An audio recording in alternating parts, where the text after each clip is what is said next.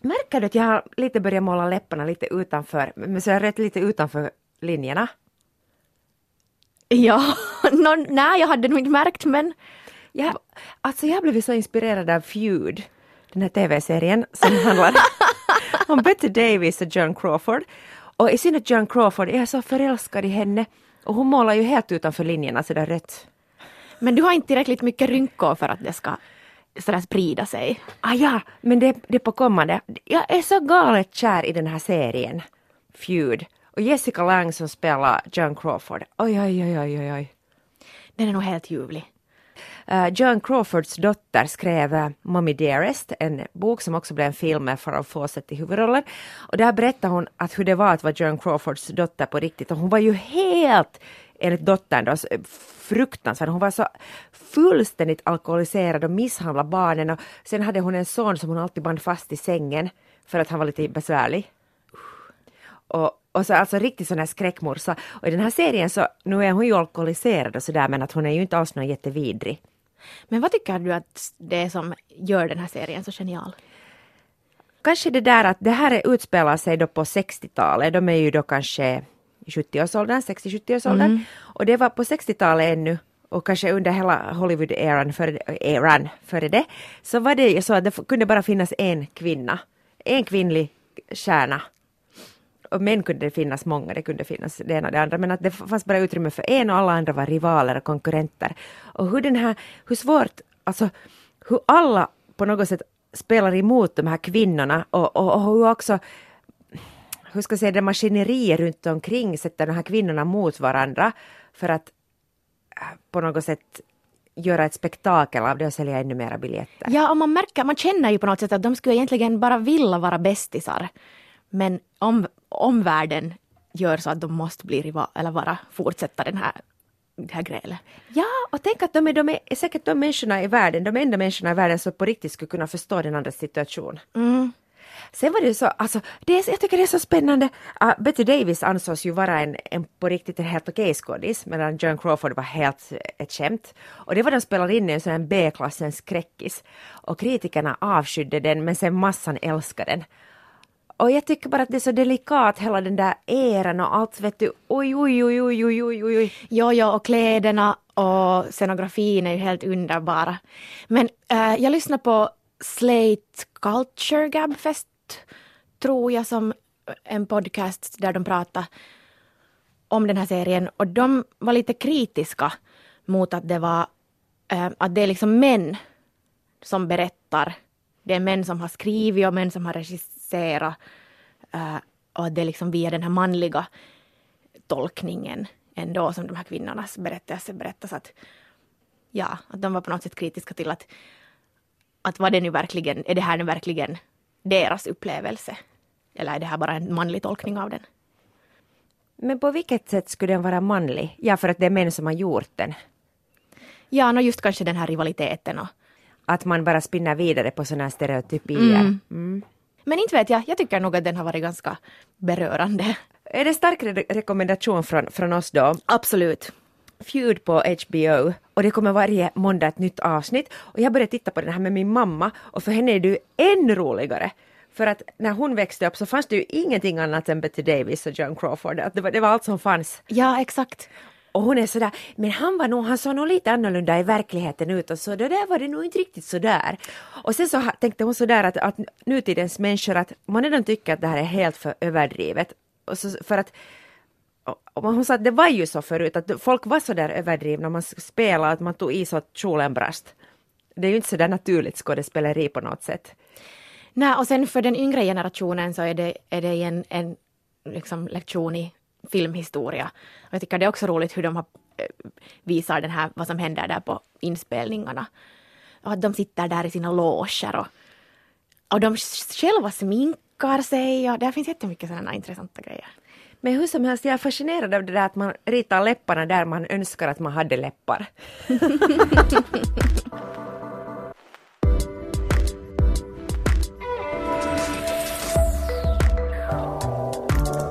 och på tal om läppar och hud, usch! Dun, dun, dun. du har så hemsk bok Förlåt. med dig. Den här är jätteäcklig. Uh, Jael Adlers bok, populärvetenskap. Den heter Huden, allt om vårt största organ. Det här är, har, har blivit en internationell bestseller. Jael Adler är en dermatolog som alltså har skrivit en bok där hon förklarar um, allt möjligt om huden.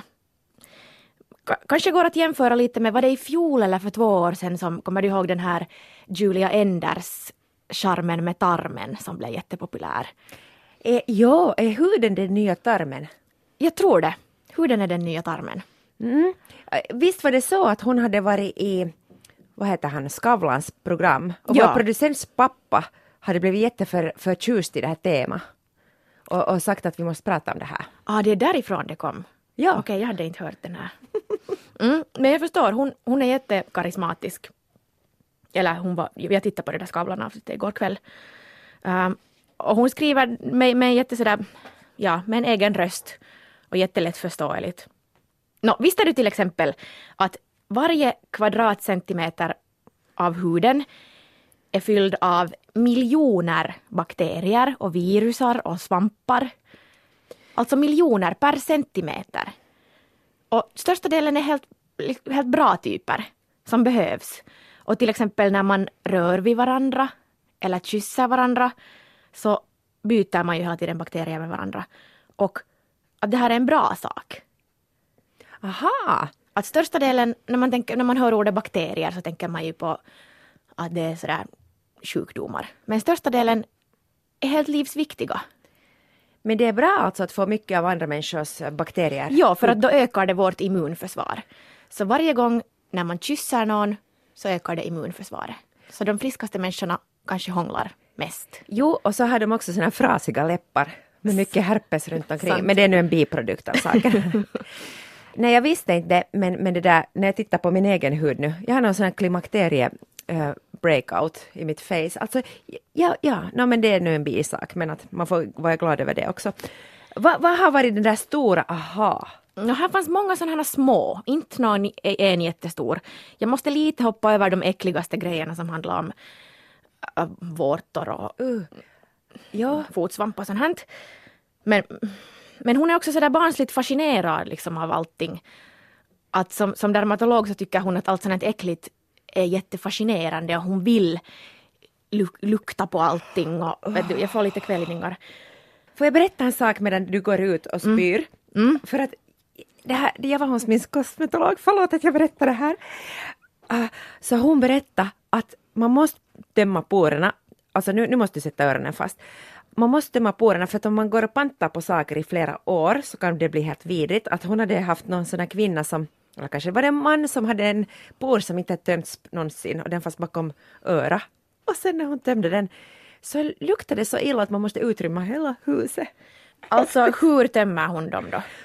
Aha, hon det där värmer upp huden och sen så klämmer hon väl ut allt. Är det fel? Uh, Jael Adler är kanske inte av samma åsikt, eller jag vet inte, men hon, hon skriver här mycket om att, att det inte är så bra att använda alla möjliga hudprodukter till exempel, eller att alla sådana här så kallade renande produkter. Att det bästa egentligen är att tvätta ansiktet med vatten och torka det med en handduk. Att det är det enda som behövs. Det, det till och med räcker för att avlägsna rester av smink. Att liksom största delen av sådana här hudvårdsprodukter är bara till för att, för att sälja. Men det här Och de är egentligen ljuvligt. helt onödiga. Ja. Att porerna eh, att man, man på något sätt fäster så stor uppmärksamhet just vid att porerna ofta är så smutsiga. Men det här fettet som finns där i porerna hör till. Att det är viktigt för huden. Och om man avlägsnar det så blir huden för torr. Men det är ju inte jättesnyggt med såna, vad, vad heter det, svarta prickar i ansiktet. Nå, nej. Säger hon något om det? Mm, det vet jag inte, men, om, men du kan testa hur gammal din hud är Ja, genom att eh, så här när du sätter fingret under ögat ja. och så drar du ner huden under ögat. Så om huden liksom pompar tillbaka på under två sekunder, så då är du fortfarande ung och allt är okej. Nej, det tog mycket svängde för mig! Fan. no, nej, det, inte var det två sekunder. Okej, visa på nytt. Det får så långsamt. Okej, Visa okej, på ditt. okej, du ska se på det här under så det får sugas mycket långsamt. Och titta då, räkna. Ja. Ett. Två. Nej, nej, det var ju en, en sekund. Ja men så kommer här här efterhäng, vet du det här kindflabbet. och hakan är på egna vägar. Jaha. Nej men alltså det här låter ganska fräscht att hon, hon inte marknadsför något att läs den här boken och sen köp gärna det här och det här och det här. Nej, inte överhuvudtaget. Tvärtom. Hur mycket säger om det här att hur mycket gifter, jag har ju hela mitt liv satt uh, hundratals kilo bajs på min hud, brun utan sol och olika kemikalier och sådär. Så vart försvinner det sen? Nå, vet du vad, det här var jättetröstande. För jag har alltid varit jätterädd för att jag får bröstcancer, Ja. PGA, aluminiumdeodoranter till exempel. Så hon sa att det över, den rädslan är överdriven. Att en, om hu- huden är hel så är den rätt så stark och släpper inte igenom så mycket. Till exempel just att deodorant med aluminium, att det är inte så farligt. Den släpper inte igenom så mycket, inte nämnvärt. Och, och vi får dessutom i oss mycket mer aluminium till exempel via kosten eller via dricksvatten. Så att så länge huden är hel så skyddar den oss ganska bra. Vad ska vi vara rädda för? Solen. Tobak. Säger hon att tobak är bra? Ja. Mm. Jag vet inte men okej, en intressant ju- eh, eh, en annan intressant grej var att hur man Alltså den här, den här är lite sexistisk den här boken. Här finns lite sådana mm, förenklade män är så här och kvinnor är så här grejer. Det är nu hennes jargong men det kunde jag störa mig ganska mycket på. Men vet du det här fenomenet med manspreading? Ja. Alltså män som sitter jättebredbent. Ja. Så hon förklarar att det här har en helt biologisk funktion. Ah, ja. Nämligen att män genom att sitta bredbent sprider lukter från sitt skrev som egentligen, alltså för att mäns svett ska locka till sig kvinnor. Att det här är helt biologiskt inprogrammerat. Och, och en grej som jag märkte att jag själv gör, vet du, när kvi- kvinnor, eller det här beskriver hon att kvinnor som, som äh, drar bort håret från öra så här. Äh, eller lyfter upp armbågarna för att dra bort håret från ansiktet. Äh, vilket jag märker att jag gör jätteofta. Att det är också tydligen biologiskt för att kvinnor har något slags doftsvettkörtlar här både vid halsen och sen i äh, armhålorna. Att det också, att då lockar man till sig igen då det så kallade motsatta könet. Men att, att locka till att det, det är något körtlar på halsen är ändå mycket f- fräschare än att gå med sitt smutsiga kön och, och det där att försöka sprida sin lukt från skrävet. Ja, Ja, nej, sluta genast med det. Alltså det här var, det här var på grottmänniskans tid som det funkar. Men hon, hon, äh, hon är ganska fascinerad av den här grottmänniskan. Just det här med att, att man ska inte försöka för mycket och vatten räcker. Jag tror att man tvättar sig allt för mycket. Och så vet du, jag, jag är ju helt besatt av hygien, men det kommer från det att när vi var små så hade vi bastutur en gång i veckan. Alltså då tvättade vi oss en gång i veckan, kan du förstå? Max en gång i veckan. För sen någon gång så kunde det hända något, någonting, att vi inte slapp den där lördagen i bastun och då kunde vi vara två veckor utan att tvätta oss. Och vet du, jag, jag, jag minns nu inte att vi luktade så illa, men å andra sidan hade vi ju inga vänner heller. Men huden börjar ju att rena sig själv efter, efter en viss tid. Om man avvänjer sig från det här att tvätta sig hela tiden. Hon sa nog att hon duschar själv varje dag. Men hon använder inte något tvål eller någonting för att den har fel pH-värde. Ah. Använder hon deodorant? No, ja, hon sa nu åtminstone att det är inte farligt. Så jag tänker fortsätta. Eller, nu, för, jag har alltid försökt, jag har varit så rädd för det här aluminiumförgiftningen. Så har jag försökt använda alla möjliga hippie-deodoranter och göra min egen deodorant av någon citron. Och det funkar aldrig och sen luktar man illa hela dagen. Och det är bara sjaskigt. Så nu tänker jag med gott samvete börja använda, eller fortsätta använda riktigt sådana giftiga grejer.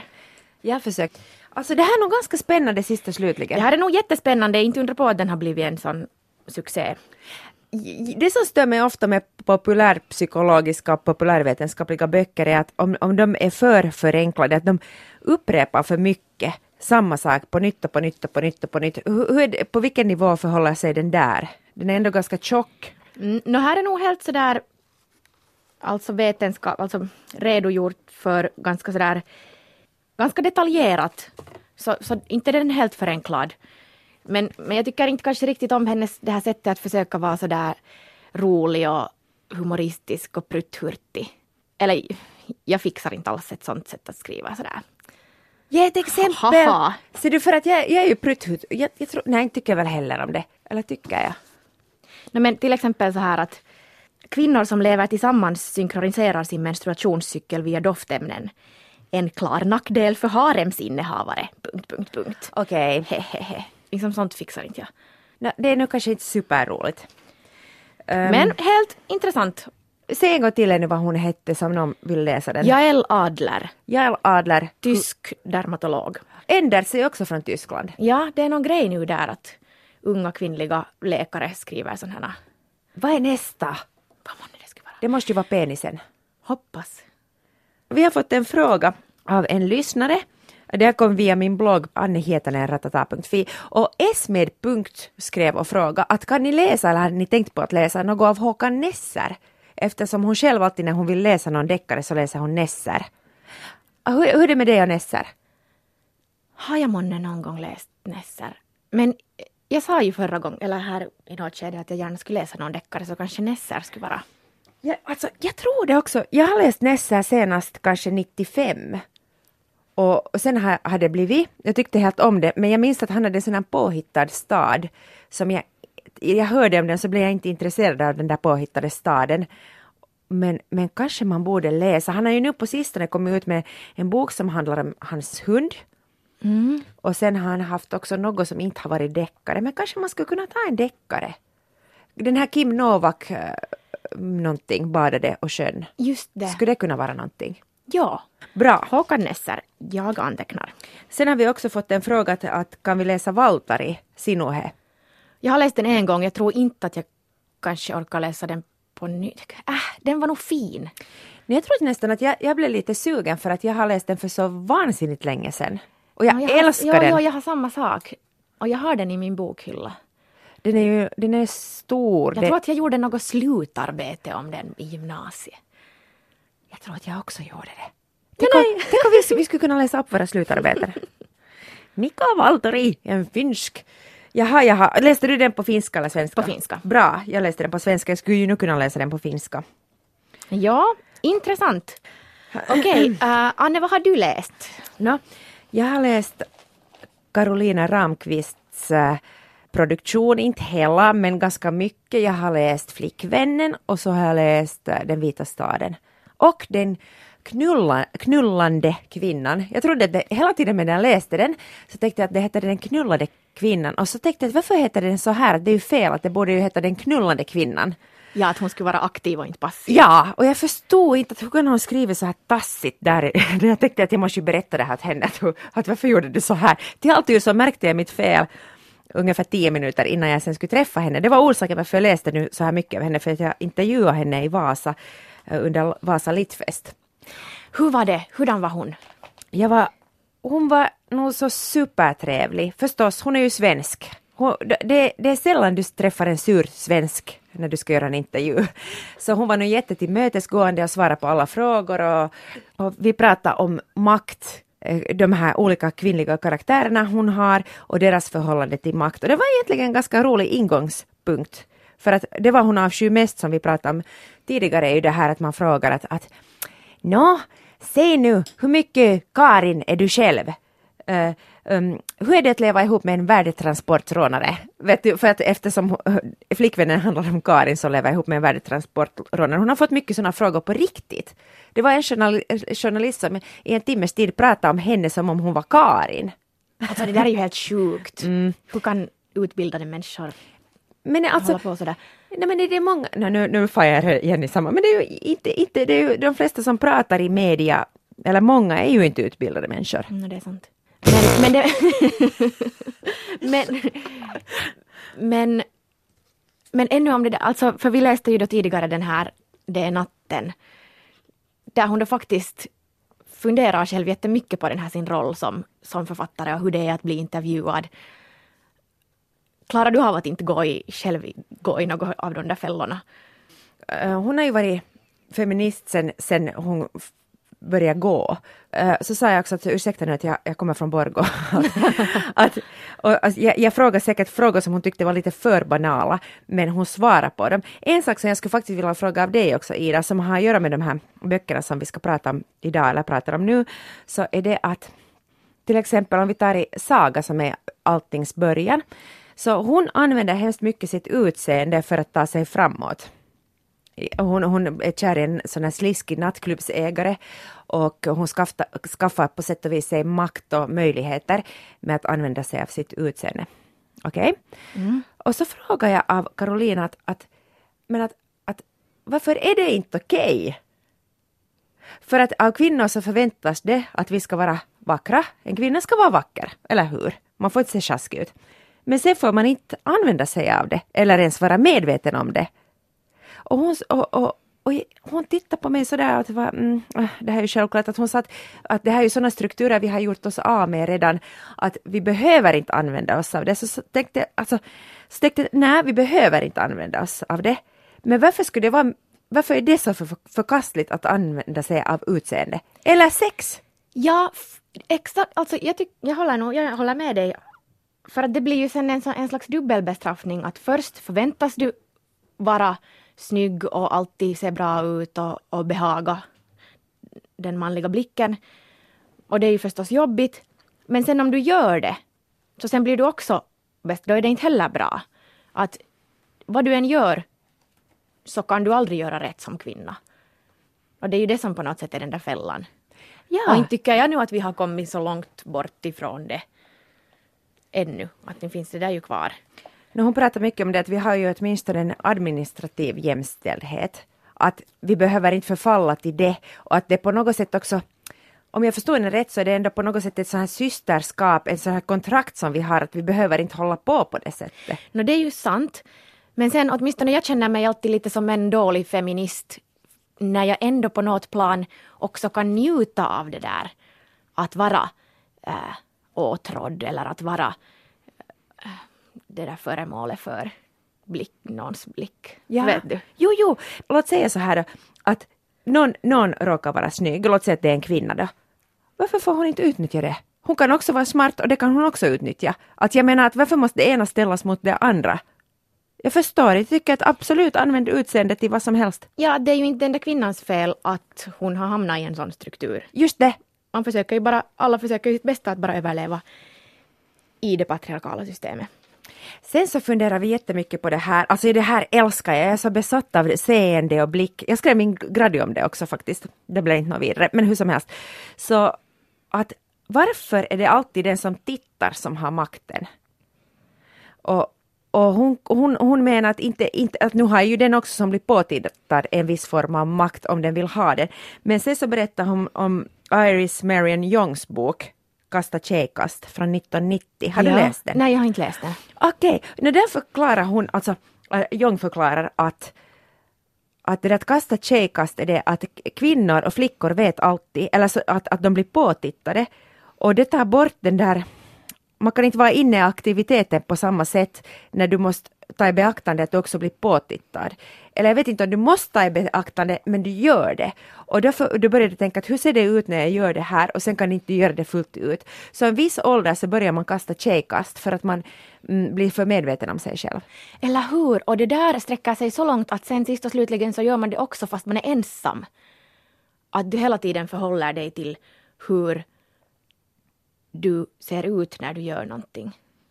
Det, det liksom vaknar upp för mig först nu att jag har varit så förslavad under blicken under nästan hela mitt liv. Och, och jag blir så förbannad över det. Jag håller nu på att läsa igenom gamla dagböcker från min tonårstid för jag tänkte delta i den här Mortified hashtag Finland svensk som går ut på att man läser sina dagböcker. Och en dagbok går det är kanske 17, då, 16, 17, så går det ut på att jag berättar om alla komplimanger jag fått och hur folk har tittat på mig och, och, hur mycket jag njuter av den där uppmärksamheten och hur snygg jag har varit.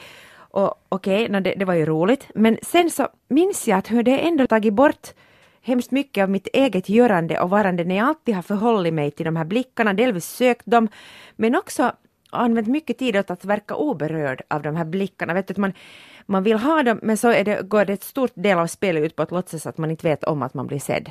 Det där är så intressant.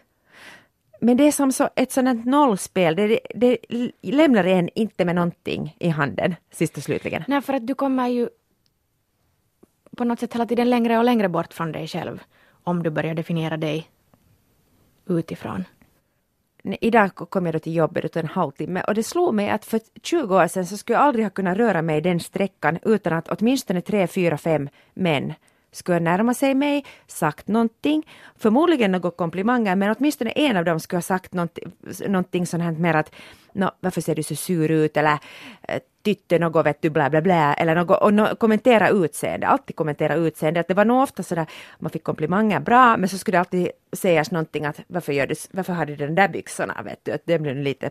Och hur reagerar du på det? Då så hörde det till att att, och, att det var som st så stor del av, att jag, reflekterar inte över det desto mer utan det hörde till.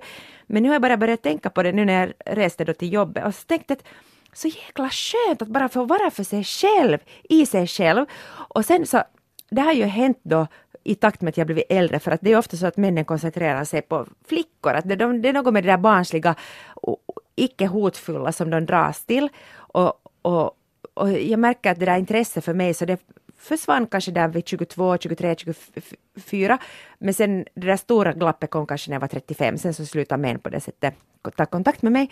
Och jag tror att om inte skulle ha hänt från deras del att de slutade titta på mig så skulle inte jag själv ha klarat av att fara in i det här osynliga och bli alltså obrydd.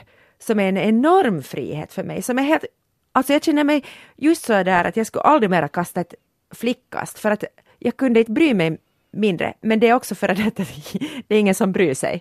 Mm.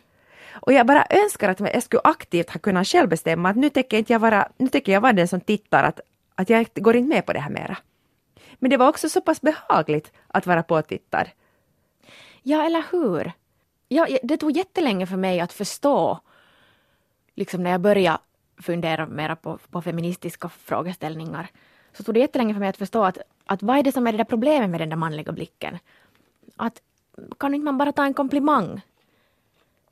Och jättelänge tänkte jag att det är någon slags, att, ah, att jag ska ju bli, att jag måste ju vara tacksam för att någon tycker att jag är snygg. Nåja. Nå, Carolina Ramqvist så sa att hon känner igen det där att hon har också, hon har tampas med att hon älskar att vara bry sig om sitt utseende och sånt men hon vet att det inte det som en feminist ska göra. Men när man, vi pratar om hennes böcker så till exempel Flickvännen, så det om Karin som är tillsammans med en gangster. Och folk blev så jäkla besvikna på henne när hon skrev om den här Karin. Att varför skriver du om en sån här kvinna att du har skrivit Fittstim eller varit med i det och, och jobbat för feminist och så skriver du om den här kvinnan som är jättepassiv, och folk nästan har krävt av henne att hon måste skriva om feministiska förebilder. Eller bra kvinnor. Va, vad sa hon till det? För det första så intresserade henne inte så mycket. Hon är mer intresserad kanske av andra liv än det där som är idealt. Det, nu, nu förvränger jag säkert hennes ord helt och hållet, det här bara som jag uppfattat hon sa. Och sen för det andra så sa hon att, att aldrig i livet att man skulle kräva det av en man. Att aldrig i livet att man skulle fråga Jens Lapidus att att, att varför skriver du sådana här moraliskt uh, oförsvarbara typer? Att, att, varför skriver du inte en liksom sådär moraliskt korrekt man? En feministisk man? Sant! Och jag har bara läst lite i den här flickvännen, eh, uh, börja på den. Och, och jag tycker just att det där är ju det fascinerande. Att skriva om någon, eller där finns ju den där igenkänningen också. Att man nu kanske inte är den perfekta feministen hela tiden. Utan att varif varifrån kommer det där mänskliga, eller det där köra och det där... Det, är ju, det skulle vara jättetråkigt att läsa om någon präktig blondinbella som alltid gör allting rätt. det är faktiskt så att Karin i den här flickvännen, så hon är hon är hemskt långt borta för att, från att vara en feministisk förebild. Det är faktiskt så. Och sen, jag tror att det Men som... kan inte finnas något jättefeministiskt i det också, att porträttera det? Ja, men jag tror att folk har haft problem med det därför för att hon, hon vägleder inte läsaren alls. hon säger inte att läs den på det här sättet. Hon, säger, hon, hon ställer liksom frågor men hon besvarar ingenting. Och att hon lämnar så mycket öppet för egen tolkning.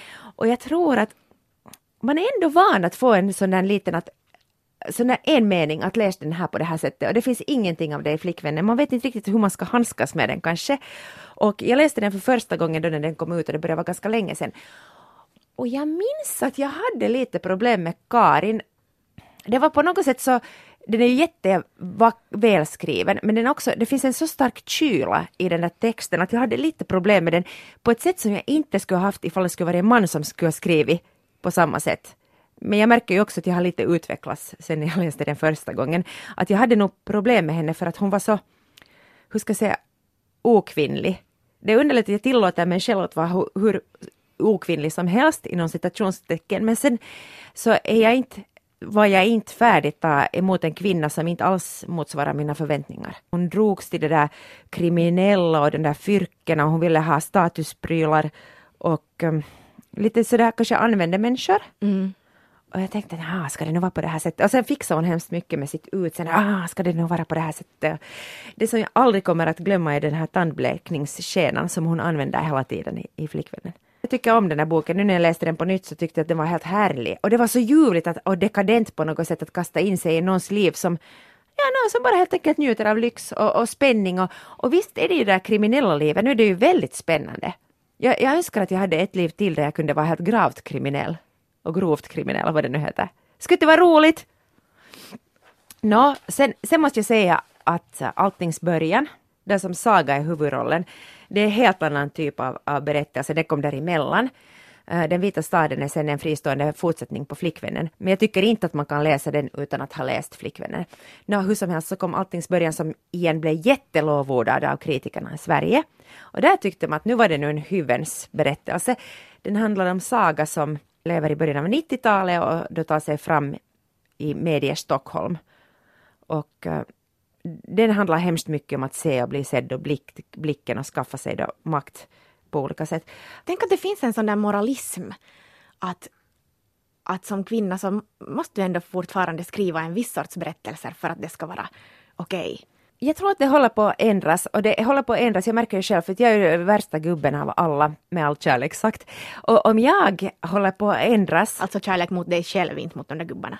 Nej, också mot gubbarna. Vet du, de, ibland försöker de nog, tror jag. Nå, vet du vad som hände när du berättade om Tone Schunnessons tripprapporter? Det var då som någonting hände i mig, för att jag var ju grymt provocerad när du berättade att det här är en kvinna som beter sig på det här sättet och hon lånar pengar utan att betala dem tillbaks. Nå, det har jag inte riktigt kommit över ännu. Men så när jag insåg att jag har problem med det här bara för att det är en kvinna. Och då eh, sa det liksom så mycket olika saker i mitt huvud. Och den där chocken över att, accept, att, att det beskrivs en sån här kvinna som gör, liksom, gör allt som är icke moraliskt korrekt för en fin flicka. Och, och när jag insåg att jag har problem bara för att det är en kvinna. Och nu har jag kunnat läsa Ramqvist böcker på nytt efter det på ett annat sätt. Och det är helt här, härligt. Och jag har också börjat uh, ge mer tillåtelse åt mig, åt mig själv. Att, att vara precis hur som helst. Ja, yes, lite sådär revolutionen kommer lite åt gången. Ja. det går inte snabbt men det går. No, men uh, vilken är din favorit av de här Ramqvists böcker? Uh, jag läste aldrig färdig Alltings början. Okej, okay. alltid ska det gnällas. Den var igen för perfekt. Det var för perfekt uppväxthistoria i Medie Stockholm.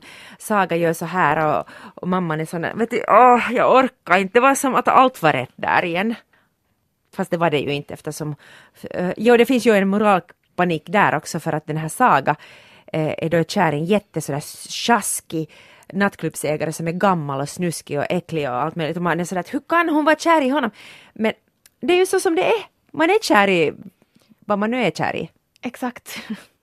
Men jag läste den aldrig färdigt och det är ju helt hemskt för det här en författare som jag tycker är väldigt bra men det, det, det flöt inte på sen. Ja. Det måste man också kunna vara ärlig med, inte behöver man inte liksom... Nej. Nej, men, men sen så, jag nämnde den här Den knullande kvinnan, så hon finns, är det på Nextory tror jag, som en sån här kort novell. Jag tror att, var det för Granta sex som hon skrev den här novellen? Ja. Och, och det, det, det, kan man bra läsa. Nu med min nya medvetenhet så tyckte jag igen att den var lite naiv igen. sådär att, att oj, att en kvinna kan också vara aktiv i sängen. Det är lite Erika Young. ja, för väldigt länge, sedan. Titta gärna på det Lasso-avsnitt som handlar om uh, det Lasso-avsnittet heter Kaiken takana on nainen helt enkelt. Jag tror att det blev att heta så. Det finns på arenan ifall ni vill se Carolina Ramqvist när vi pratar om makt. Det, jag, det, jag ser så fram emot att, att se er den här intervjun. Ja, ja det, det var nog fint.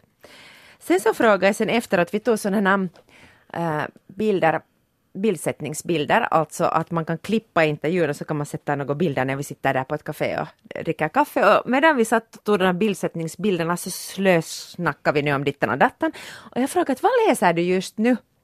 Och så sa hon att hon läser en jättespännande bok som handlar om en psykoterapeut eller psykoanalytiker som har förhållande med nästan alla sina patienter.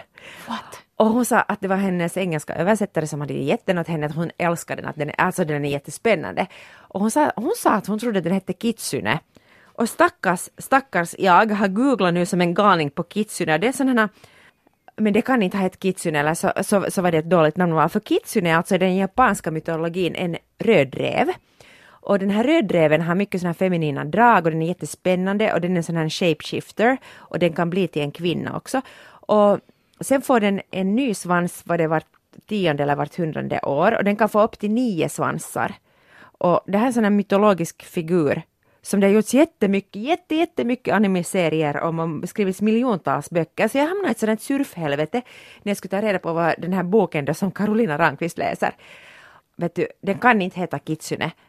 Jag hittade den ingenstans. Carolina, vad är det för bok? Jaha, kan du snälla skicka till, till oss och förklara vad, vad har du sagt? Hon kanske blandar med något annat. Kommer du på några sådana japanska fetischnamn? Nej, det är inte min starka Tänk om du skulle komma nu med sådär 10-15 olika sådana. Jag medger åtminstone ingenting. Men jag tycker det där är ljuvligt, alltså ännu för att återgå till, till hennes äh, produktion, att det är ju också på ett sätt att nedvärdera ett författarskap om man på något sätt automatiskt måste hylla allting som hon skulle ha skrivit bara för att du tycker att hon är en bra typ. Att, att det är ju på något sätt också en ja, att ta det på allvar att man kan vara kritisk också till vissa delar av det. Ja, och sen ibland handlar det ju mer om en själv, att man är inte i den fasen just mm. nu, att nu vill jag inte ha den här Stockholms 90-talsskildringen utan det är något annat. Alltså nu är hon ju en sån här författarförebild. Tänk att ha hennes karriär och hennes skärpa. Jag vet, vet du, jag tänkte innan jag träffade henne, det här skulle jag aldrig säga högt, men att jag tänkte sådär att egentligen har hon allt vad jag skulle vilja ha. Eller hur? Och ändå kan man inte vara missunnsam. Eller kan man? Nej, man kan inte för att hon är så på så högre nivå. Mm. Att hon är inte, vet du, det, det är svårare när det är ens granne här i svensk Finland. Yep. Så man vet att det egentligen inte är så bra. Den är lite misslyckad egentligen. Men att den har nog fejkat sig till framgång. Framgång inom situationstecken. jag är så bitter, är inte jag? Tänker du läsa nu de här Flickvännen och... Uh, jag tänker nog fortsätta på Flickvännen, ja den blev på hälften av någon anledning. Jag hoppas att du läser Den vita staden, utan att spoila något nu desto mera, men, men den handlar, jag har aldrig läst en mer kroppslig bok. Alltså den är så extremt kroppslig och den handlar speciellt om moderskroppen. Ehm, den här kvinnan i den boken, så hon har just fött barn och det barnet, hon har jättesådär intressant förhållande till det där barnet för att det är inte sådär heller vanligt moderligt att hon är såhär oj min baby utan det där barnet på något sätt som ett sådant bihang som, som är med bara. Det ligger nu där bredvid och suger och smackar.